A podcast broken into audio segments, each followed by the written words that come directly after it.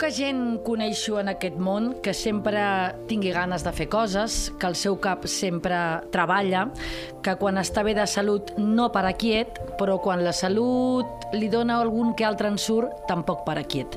Eh, el coneixem tots per una cosa o per una altra, perquè va arribar a Tarragona, a Catalunya, em deia, fa més de 40 anys, i des del primer dia s'ha fet una persona popular, de barri, propera, fàcil de parlar amb ell, de contactar, i sempre amb il·lusió, sobretot, sobretot per millorar el planeta. Possiblement, quan l'Àngel Juárez Almendros parlava de tot el planeta, la natura, bueno, pensàvem que tot estava bé i ens anem compte que anys després doncs, tenim canvi climàtic, el mar està com està, el plàstic ens menja i que allò que ell ja veia ha estat una realitat. Però a part del medi natural i medi ambient i mediterrània, que és una mica eh, el cor de l'Àngel Juárez, avui l'hem convidat perquè ara resulta que és poeta el tio. O sigui, el tio ara se me casca un libro de poesía que es diu Sigo volando y yo el tengo aquí. Ángel Juárez, buenos días, buen día. Buenos días, queridísima Silvia Petite. ¿Cómo estás, hermosura?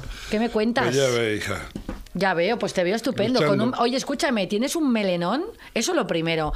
Que yo tengo aquí mmm, jefes y compañeros que ya mmm, están ya con poco pelo, ¿eh? Rollo tratamiento de Turquía. Y tú estás estupendísimo. Y no he ido a Turquía, ¿eh? A ponerme pelo, ¿eh? Y tienes ahí una buena mata de pelo, ¿eh? Ay, que... qué bien. Fíjate, es curioso, ¿eh? Esos son los genes. Sí, Tengo sí. a otro lado de mi familia que están ya... Mi hijo es Sí, calvo. sí, sí. Pero tu hijo ya estaba calvo hace unos años. Ah, ¿eh? sí. bueno, Ángel, estás eh, dentro de todas las eh, cosas que pasan en el Mm. mundo y la salud y esto. Bueno, seguimos volando, ¿no? Como dices tú. Pues sí, seguimos volando y yo pienso que parte de la medicina que uno puede tener es la actitud en la vida. Y eso me lo decían los médicos y me, me lo siguen repitiendo. Dice, "Eh, es que es increíble con todo lo que tú tienes eh, y sin embargo mm, estás dando energía a todo el que te rodea. Sí. Estás permanentemente dando energía no la pides. O sea, tú das. Digo, bueno, pues son formas de ser. Y yo soy así. O sea, yo voy a seguir luchando hasta el último segundo y minuto.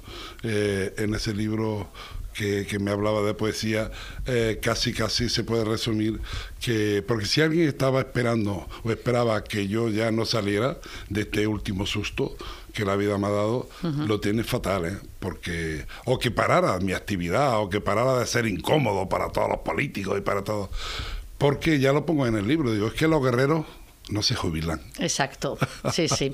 Este és el libro Sigo volando i, bueno, està lleno de poesías que, que l'Àngel ha anat treballant poquet a poquet y sacando de su, de su corazón, de sus sentimientos, de sus emociones, buenas, malas, regulares, con una frase que yo creo que antes decíamos, ¿no, Ángel? Que te identifica mucho y es que no dejes que te roben la sonrisa. Eso nunca, porque si falta la sonrisa, nos vamos ya a la todo. mierda. Te Así, falta todo. Todo. Ese es, un- es un acto reflejo revolucionario, rebelde que tenemos las propias personas. Por como decía alguien, dice que yo soy dueño de mi propia hambre, ¿no? O sea, es igual que no tengas de forma material o no tengas una vida acomodada, pero sí tenemos algo que es muy nuestro, que es nuestra sonrisa. Y la sonrisa no podemos dejar que nos la roben, no podemos dejar que nos la, nos la pisen, porque es que no tenemos nada más. O sea, sentirnos orgullosos de cómo somos. Si uno está orgulloso de cómo es y, y- y sigue siendo coherente con tus ideas, creo que has conseguido parte de la revolución personal que todo el mundo más o menos tenemos. Digo todo el mundo porque no todo el mundo lo tiene. Hay gente que le da igual Sí, sí. tener o no tener coherencia, le da igual los valores, le da igual todo, que es parte del gran problema que, que está padeciendo este, esta sociedad últimamente.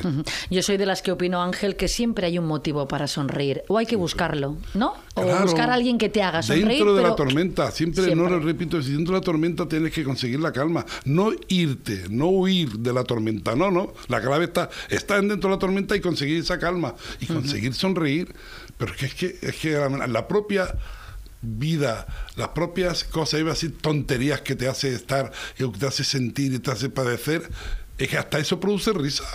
Sí, hay que reírse de todo. De todo. Hay que reírse de todo. Y cuando veo a la gente con esa cara, yo todavía sigo te- teniendo ese trocito infantil. que Cuando veo a la gente por la calle y la, las ve amargada, me produce risa. Sí.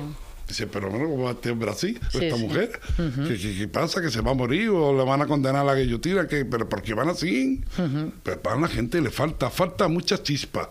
Y es parte de la actitud que quiero que la gente bueno, la terapia.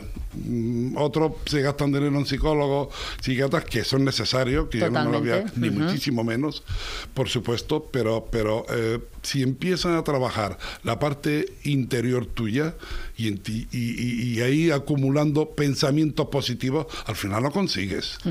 Bueno, Ángel, háblame de este libro, Sigo Volando, porque yo te presentaba, pues eso, ¿no? Como un luchador, un guerrero de nuestro medio ambiente, naturaleza. Ahí es donde Ángel se dio a conocer, un tío además activista de barrio, siempre preparado con su gente para reivindicar muchas cosas que los barrios no tenían y luego creando Mediterránea.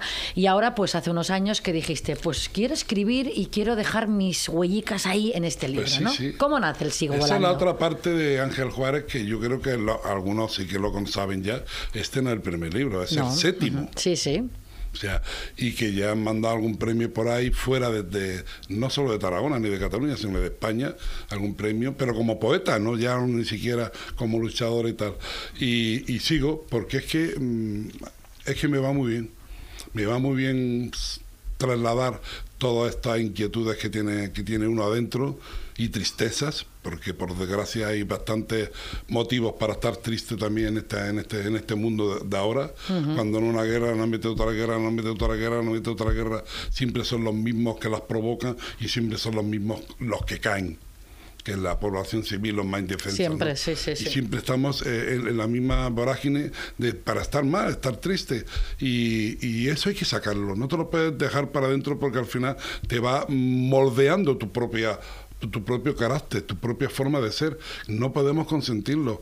La alegría hay motivos para estar alegres también, pero muchos, ¿eh? Cuando te pega un susto la vida y te hace un parón de golpe y sabes que en cualquier momento puede dejar ya de existir, empieza a valorar el olor del romero, el olor de, de, pues de, las flores del naranjo, eh, eh, la naturaleza, pues, la, fruta, empieza a valorar la sonrisa, empieza a valorar a la gente que quizás antes no habías tenido tiempo porque esa sociedad o la vida no te dejaba o tú tenías los valores cambiados es muy importante y entonces hay que sacarlo. Yo me atrevo a decir que la mayoría de la gente son poetas, aunque no sepan ponerlo bien en un papel.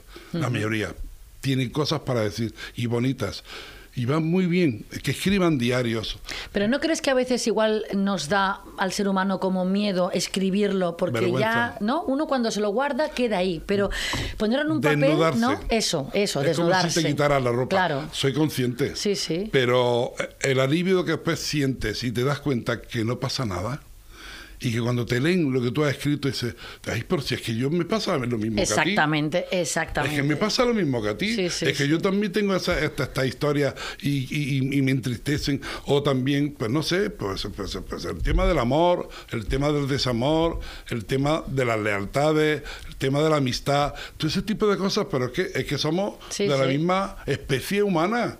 Pero ¿cómo no vamos a coincidir en la bueno, mayoría de las ¿cuántas veces la gente escucha canciones? Digo, por ejemplo, Alejandro Sanz, y dices, ostra, esta canción me recuerda a mi historia. Es que, claro, le pasa lo mismo que a nosotros, porque las historias humanas y de sentimientos son las mismas. ¿Qué crees que lo que te está pasando a ti no le pasa a nadie? Y que eres un bicho raro. No, es falso. Y que te vas a morir con eso. Es falso. ¿Y por qué a mí? ¿no? Sí, sí. ¿Y por qué te tengo que hacer yo? Sí, sí, no, Es que es falso. Cuando al final, eso es lo que yo descubrí con las primeras poesías mías. La gente se las leía y dice, es que yo la hago mía.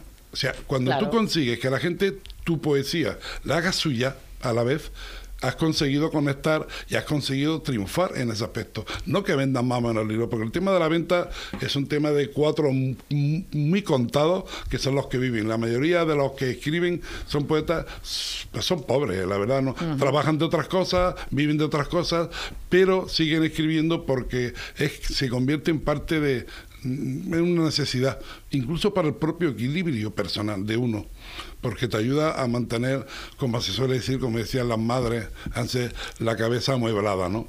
Para mantener la cabeza amueblada con todo lo que está cayendo es complicadito, ¿eh? pero esto te ayuda mucho, es una buena herramienta el escribir.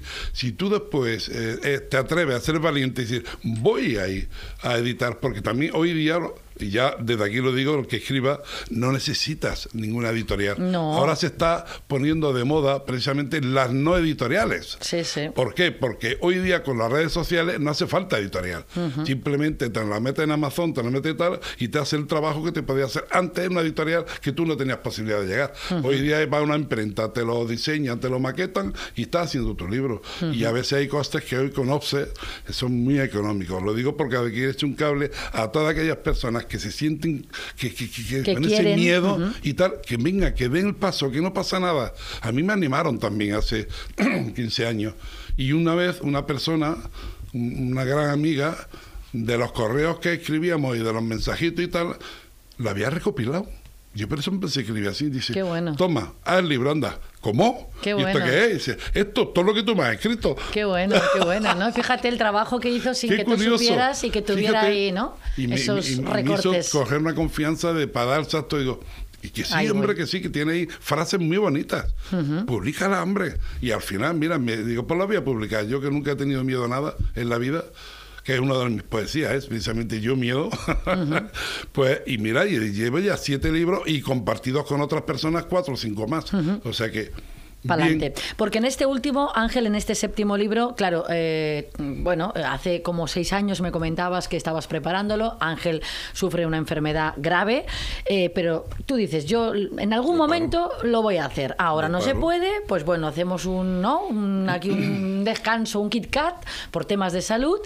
Y deben haber muchas cosas escritas, ¿no? Que luego tú tienes que ir eh, pellizcando a ver qué coges Es que para este es sigo que volando. Un poema, eh, lo- bueno, mm, con- conforme van pasando los años, los trabajan más.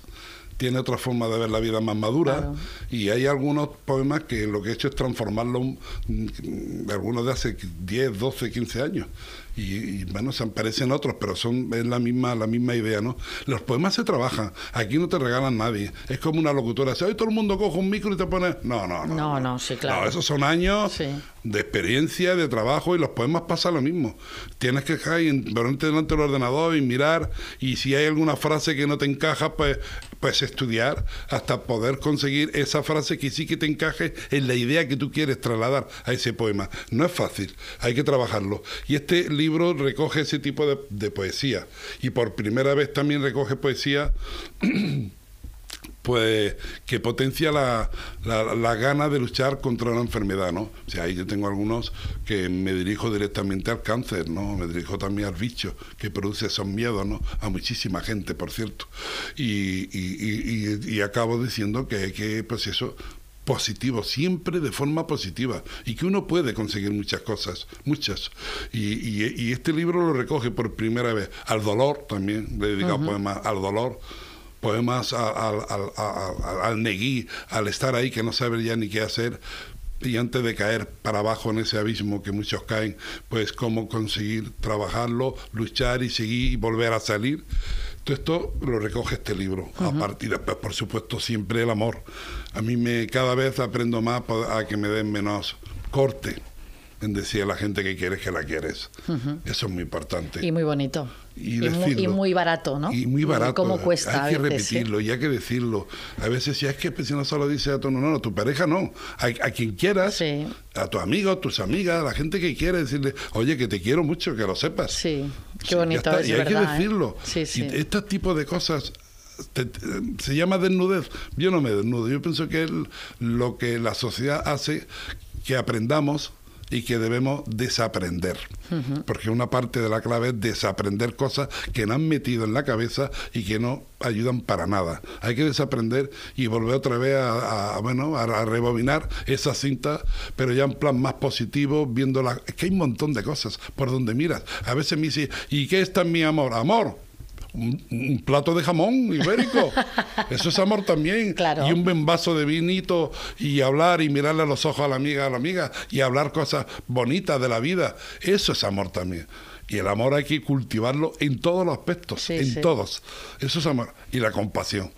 Porque nos hemos converti- convertido en una sociedad que no existe la compasión para nada, no hay solidaridad, la gran mayoría de la gente les da igual que tu vecino o tu vecina esté parada o no tenga trabajo. esté- es, que, es que se llega, se, se llega- se está llegando a un grado de insensibilidad tan grande que da miedo. Da miedo. Bueno, porque hace- hacemos ver que no lo vemos, que no nos enteramos, que. Sí, para que no lo sé, y entonces parece que, ah, yo no sabía que necesitaba no ayuda, ¿no? Y dices, hostia, pues, y si giras la cabeza un poquito, verás, ¿no? la comodidad alrededor, sí. de la poner empatía, pantalla siempre sí. en tu vida, siempre estás poniendo pantalla. Una cosa es la, la sonrisa sincera y otra cosa es la sincera, otra, y otra cosa es la sonrisa trabajada. Sí. Y que y para tapar eso que no quieres que la gente se entere de ti, que eso ocurre mucho. Cuando hay una persona que está todo el rato contando historias, milongas, chistes y tal, dice, hostia, pero tú que no tienes vida personal o Sí. siempre estás poniendo esa pantalla protegiendo eso que pues que no que, que- que- que tiene pánico a que la gente se entere si no pasa nada al final si se enteran si es que es parte de la terapia César Totalmente. cuenta lo que te ocurre no pasa nada Y cuando uno le pasa algo malo o bueno y lo comparte, es lo bueno es todavía mejor y lo malo es todavía mejor. Es decir, se arregla, ¿no? Lo malo y lo bueno se disfruta más porque lo estás compartiendo y nos cuesta muchísimo, ¿eh? Esto es algo que también Y- que he ido aprendiendo también. Estoy, estoy metido en tantos frentes que, que es muy normal que, que- que te lleguen noticias o te llegue pues, la, pues personas que eh, representan la envidia que, te hay o pues esta gente que te, bueno, que te odia y que a veces dice, pero, pero si yo no conozco a esta persona, ¿de qué me puede, por qué no le caigo bien? Bueno, y a veces te paras en cosas de estas cuando tienes después ejército entero que te están apoyando y queriéndote. A veces te- nos cuesta. Por eso a veces la ayuda de los psicólogos va muy bien, porque te dicen, no, no, céntrate en lo que realmente te, te interesa a ti la vida. Y esto déjalo. Bueno, no te va a reconfortar nada, ni te va a ayudar para nada, ni es todo lo contrario. Pero por inercia, no sé, siempre acaba pensando en el que te está haciendo daño o el que te está haciendo. mm, Bueno, son Sí, malas sí. costumbres y por eso es tan importante también escribir o, o desnudarse, porque al final te das cuenta que cuando pasan dos días, se le ha olvidado a la gente, ya ha cambiado todo, toda la situación entera, de una cosa que te está creando un- unos nervios, Sí, sí, negui una mala y tal, hostia, un y que ya no vale la pena, sí. y que ya la vida, y ¿por qué? Como bien decía tanta- ¿por qué a mí? ¿Pero qué me está ocurriendo esto? Pasan nada, 24 horas, y al día siguiente te despiertas y tal, y ya lo ves de otra forma. Claro. Sí, sí. El poder de la mente. La mente puede transformar todo, absolutamente todo, incluido luchar para subir la defensa y luchar contra muchas enfermedades. Eso es lo que la gente tiene que entender. Y, y vuelvo a repetir, que escriban y que sean sinceros, que no se escondan las cosas y que no lo dejen y a la persona que tenga al lado puedas tener comunicación y pueda hablarlo. Las cosas normales del día a día. compartirlas. Las inquietudes. Yo siempre que tengo una entrevista con un artista, siempre le digo que me cante algo. Yo no sé si Ángel llegará el momento que cante, que no lo descarto, no- nunca descarto nada Hubo con un Ángel. que canté. Por eso, pero bueno, lo ya dejaste no tengo ahí más... garganta, ya no tengo voz. Pero bueno, ríete tú porque un día vendrá pues con un show de monólogos, con algo. Es igual, si tiene No, que defender claro. el barrio o tiene que defender cualquier cosa, yo estoy segura que Ángel lo hará. Pero como tiene poesías maravillosas, hombre, pues yo qué quieres que te diga, Ángel, te voy a pedir que, que nos recites algo, ¿no? Ah, Una de las estás. poesías que hay ahí, Sí. le tengo mucho que. Me ha costado muchísimo, muchísimo hacerla y al final la acabé y bueno, está en el libro. Sí. Y es unos, uno más de los miles que vinieron en su momento hace muchos años de otras regiones de España Sí. Y que ahora pues ya somos catalanes, pero bueno, hubo un tiempo donde, donde tuviste que dejar muchas cosas, ¿no?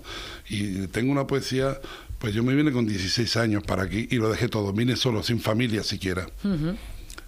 Y, y le he hecho una poesía a eso, le he hecho una poesía también, o otra también a mi rebeldía permanente de que no me callaréis. Si, si Sí, queréis, sí. yo. que esto va por todas aquellas personas que vinieron hace unos cuantos años ya, bastantes, y bueno, no es fácil No es fácil. en aquellos claro no. momentos. Pero una vez más le puse yo la parte positiva a todo esto, dentro de todo lo que era un momento especial. Y la llamo, pues precisamente, esto fue el miércoles 14 de junio de 1972. Tengo el billete del tren todavía guardado. Fíjate.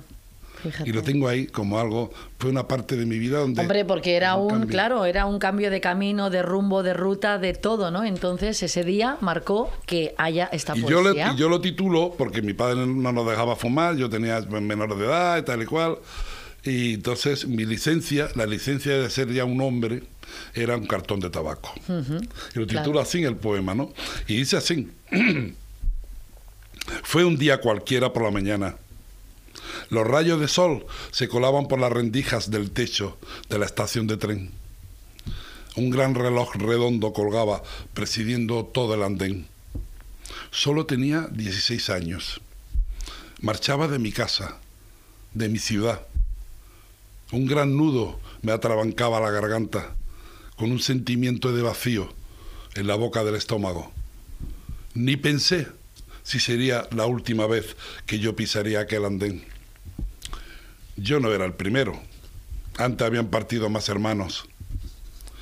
Con nueve años ya trabajaba en casa, pero esta vez ya no sería lo mismo. Mi licenciatura, la de la vida, iba a ser ese día. Mi padre, solo él vino a despedirme. Y en sus manos llevaba mi licencia, era un cartón de, de tabaco. Era la señal. Ya podría quemar cigarrillos en libertad. Atrás quedarían las tertulias con él, los deberes, las emociones, también las riñas y las represiones. Lo dejaba todo, hasta los amigos, todo. Tan solo tenía 16 años, pero deseaba tanto el cambio que el miedo se convirtió en deseo. Era mi primer vuelo. Al tren subió ya el hombre. El cartón de tabaco era mi licencia. Y yo, desde ese momento, me lancé a volar. Jolines, desde ese junio del 72, tu primer vuelo a este sigo volando en el 2022. Fíjate cómo ese, ¿no? ese camino empezó y sigue ahí, ¿no? Y sigue también, eh, tiene doble, doble, y lo explico, porque yo con 12 o 13 años me llegó un libro a mis manos que era Juan Salvador Gaviota, de María Vázquez, y, bueno, lo sigo teniendo ahí y grabado todo, porque, eh, bueno, el libro se trata de una gaviota que, que, que, ve a un águila un día haciendo un arrasante y unos vuelos altísimos, y dijo, yo quiero hacer lo que hace el águila. Claro. Y el resto de la manada le dice, pero ¿dónde vas tú, tonto? Si tú eres una gaviota, Y ¿qué no vas a hacer lo que hace un águila? ¿Y por qué no puedo hacerlo yo como Claro, un águila? voy pues voy a trabajar, voy a trabajar, y es un reto que se marcó y al final lo consigue y consigue pues, pues dejar como tonto a la manada, porque sí que lo consigue, ¿no? Pues yo siempre he tenido ese reto y he estado permanentemente volando, intentando volar alto, muy alto siempre, ¿no? Y, y- y, bueno, y la vida me hizo parar el vuelo de golpe, bomba, hace seis años con aquello, con el cáncer y... Y, y lo he conseguido. Estoy aquí ahora mismo hablando contigo, Silvia, y, y por eso quise poner el título Sigo volando. No me lo han parado. Sigo volando. Y esperaros, que va a Sigo volar muchísimo volando, más. cual, ¿no? Oye Ángel, yo evidentemente hoy eh, era para hablar de este libro, para hablar de poesía y yo quiero que vengas otro día, pero antes de irte ha sido una forma breve porque quiero que hablemos más profundamente de los premios ONAS, que ya vuelves, claro, 28 años, 28 ediciones, el día 10 de junio en el Teatro Tarragona, Sí. unos premios ya más que reconocidos y que todo el mundo ya espera, ¿verdad Ángel? 28 años. 28, tío, mi edad, Va- tío, mi ah, edad. Vamos a ser 28 años, ¿eh? Sí, sí. De un y dos, ¿eh? Sí, sí. Eh, y más de 250 premiados ya. O sea, yo lo decía ayer en la rueda de prensa. eh, no es Mareterra, es la ciudad de Tarragona. O sea, estos premios son ya de Tarragona de hace años, además. Y, y la idea es que sigan, porque cuando hay algo que funciona tantos años, con diferentes cambios de gobierno, diferentes sensibilidades Sí, sí, políticas, que y se respeta sigue, y que siempre, sigue, claro. y que sigue, pues hombre, eh, hay que mantenerlo. Llegará un día que yo no esté y yo creo que el equipo, los que mis suces- sucesores, tienen que seguirlo, porque es que se está vendiendo Tarragona. De- de- decidme, eh, eh, aparte de Tarragona Viva, ¿qué hay? Con, un- con fuerte significado de Sí, con ciudad. una identidad propia, ¿no? Una identidad marca propia. ¿Qué hay? Tenemos lo de Tarragona, eh, lo de Tarraco Viva, que Sí. es precioso. ¿Qué tenemos más? De verdad, hay cosas como en todas las ciudades, en todos los pueblos, pero son cosas pequeñas, pero algo con trascendencia eh, nacional e internacional, porque cuando en estos momentos cuando yo llamo y hago una llamada a algún premiado a, a- a- a comunicarle que es premiado, se emocionan de una forma tan tan grande que te lo transmite y dice, pero tanta importancia ha cogido estos premios ya, te das cuenta de la importancia que tiene. Sí, sí. La plataforma, ayer hicieron, a la, a la una de la madrugada estaban haciendo un especial y poniendo una parte de los premios, porque es uno de los premiados, la Plataforma Nacional por los Derechos del Pueblo Sí. Gitano, por ejemplo, ¿no? Y han hecho un especial en su web para 50.000 familias, hablando de Tarragona, hablando de las premisonas, hablando de tal, pero eso, igual que lo hace la agencia F, igual que lo hacen los medios de comunicación, o sea, Tarragona está saliendo permanentemente en todos sitios, por lo tanto es para sentirte satisfecho. Y ¿no? lo bonito para mí, Ángel, es que se premia gente muy reconocida y muy top y muy de nombre, pero luego se premia al Club de Fútbol de Bonavista, ¿no? Claro. Eso me gusta. Claro. Que igual está un top de no sé qué país, pero luego está la gente de, tu, de tus Yo sé que tú te acuerdas cuando hacíamos los conciertos Sí, de que sí de me Navidad, los 40 o de rock, siempre hacía la misma fórmula. Traía a alguien Sí. muy conocido, o a la frontera, a Taura Zurdo, algunos de estos, y después metía a, a- a Viuda Negra, a, a Número Rojo, a, los de aquí, Sí, sí. a los nuestros. ¿no? sí, sí. Pues esto es lo mismo, la misma fórmula. ¿Cómo podemos estar premiando a nivel internacional a gente que se lo está trabajando o a entidades y no ir empujándole a las de nuestras, a las locales? Pues eso hay que hacerlo. Y además debemos de hacerlo, ¿no? Y la de Bonavista, por ejemplo. Pues hombre, igual que el año pasado fue la DT, Bonavista tiene cuatro equipos femeninos, Sí, ¿eh? sí, sí, y que están sé. jugando en la liga. Y que uno de los equipos lleva la camiseta de la LTGBI. Cuidadito, ¿eh? O sea, a ver, dime qué equipo de fútbol lleva la camiseta de la LTGBI. Sí, sí, Nadie. sí. Y se lo está haciendo este equipo del Racing de Buenavista. Pues, coño, hay que premiarlo. Y. Igual que estos. Pero mira, qué casualidad que el premio Cirusa este año también ha recaído en, la- en una taragonina, que es la Puricanal. Sí, sí. Qué casualidad también, ¿no?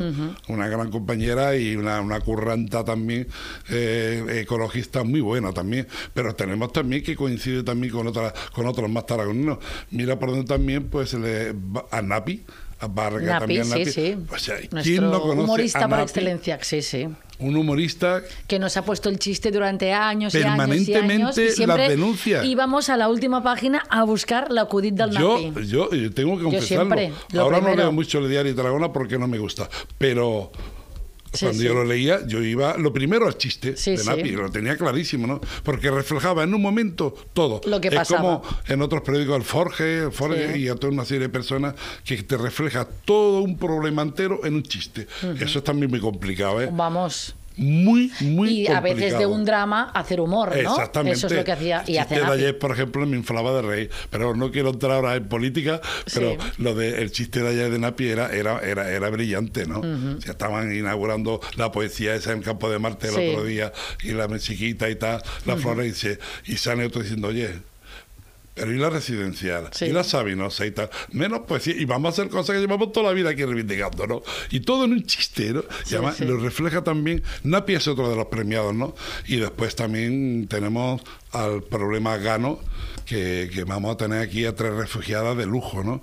O sea, que han estado trabajando, eh, eran comisionadas en la ONU mm, desde Afganistán, una alcaldesa, otra que había sido también alcaldesa y otra pues, periodista, no, no me acuerdo. Vamos a tenerlas todas aquí en Tarragona.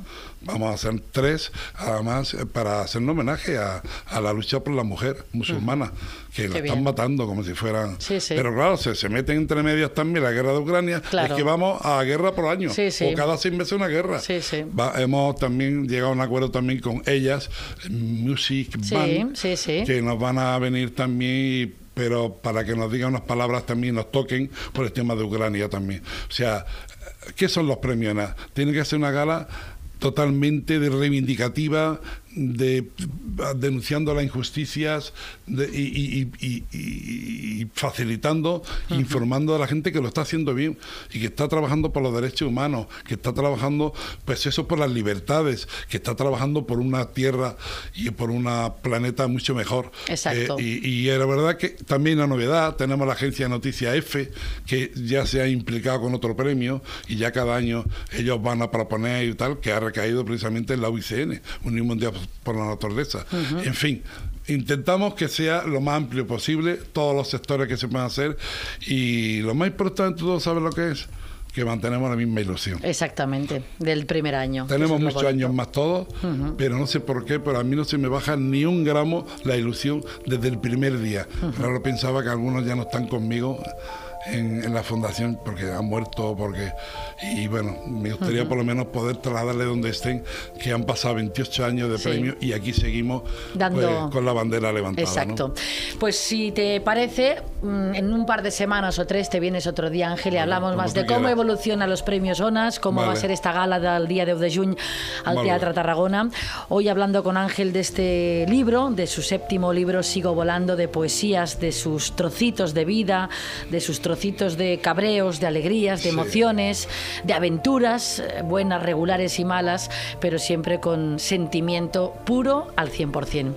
Ángel Juárez Almendros, vecino, amigo. Yo también estuve un tiempecito en Mediterránea, en Maraterra, y me siento parte de esta Se gran familia. yo Sí. a tu colega periodista la Yo me siento Se parte de esta gran familia. Y Ángel, yo creo que si no lo conozco del primer día que aterrizó, casi, casi. Y la verdad es que es una persona que siempre me alegra verlo, abrazarlo y, y quererlo. Así que, como tú decías antes, Ángel Juárez, te quiero, te estimo. Claro, igualmente. ¿eh? Es algo recíproco, ¿eh? Pues con Muchas eso, gracias. con eso está todo dicho. Gracias. Gracias a ti Gracias. por la entrevista.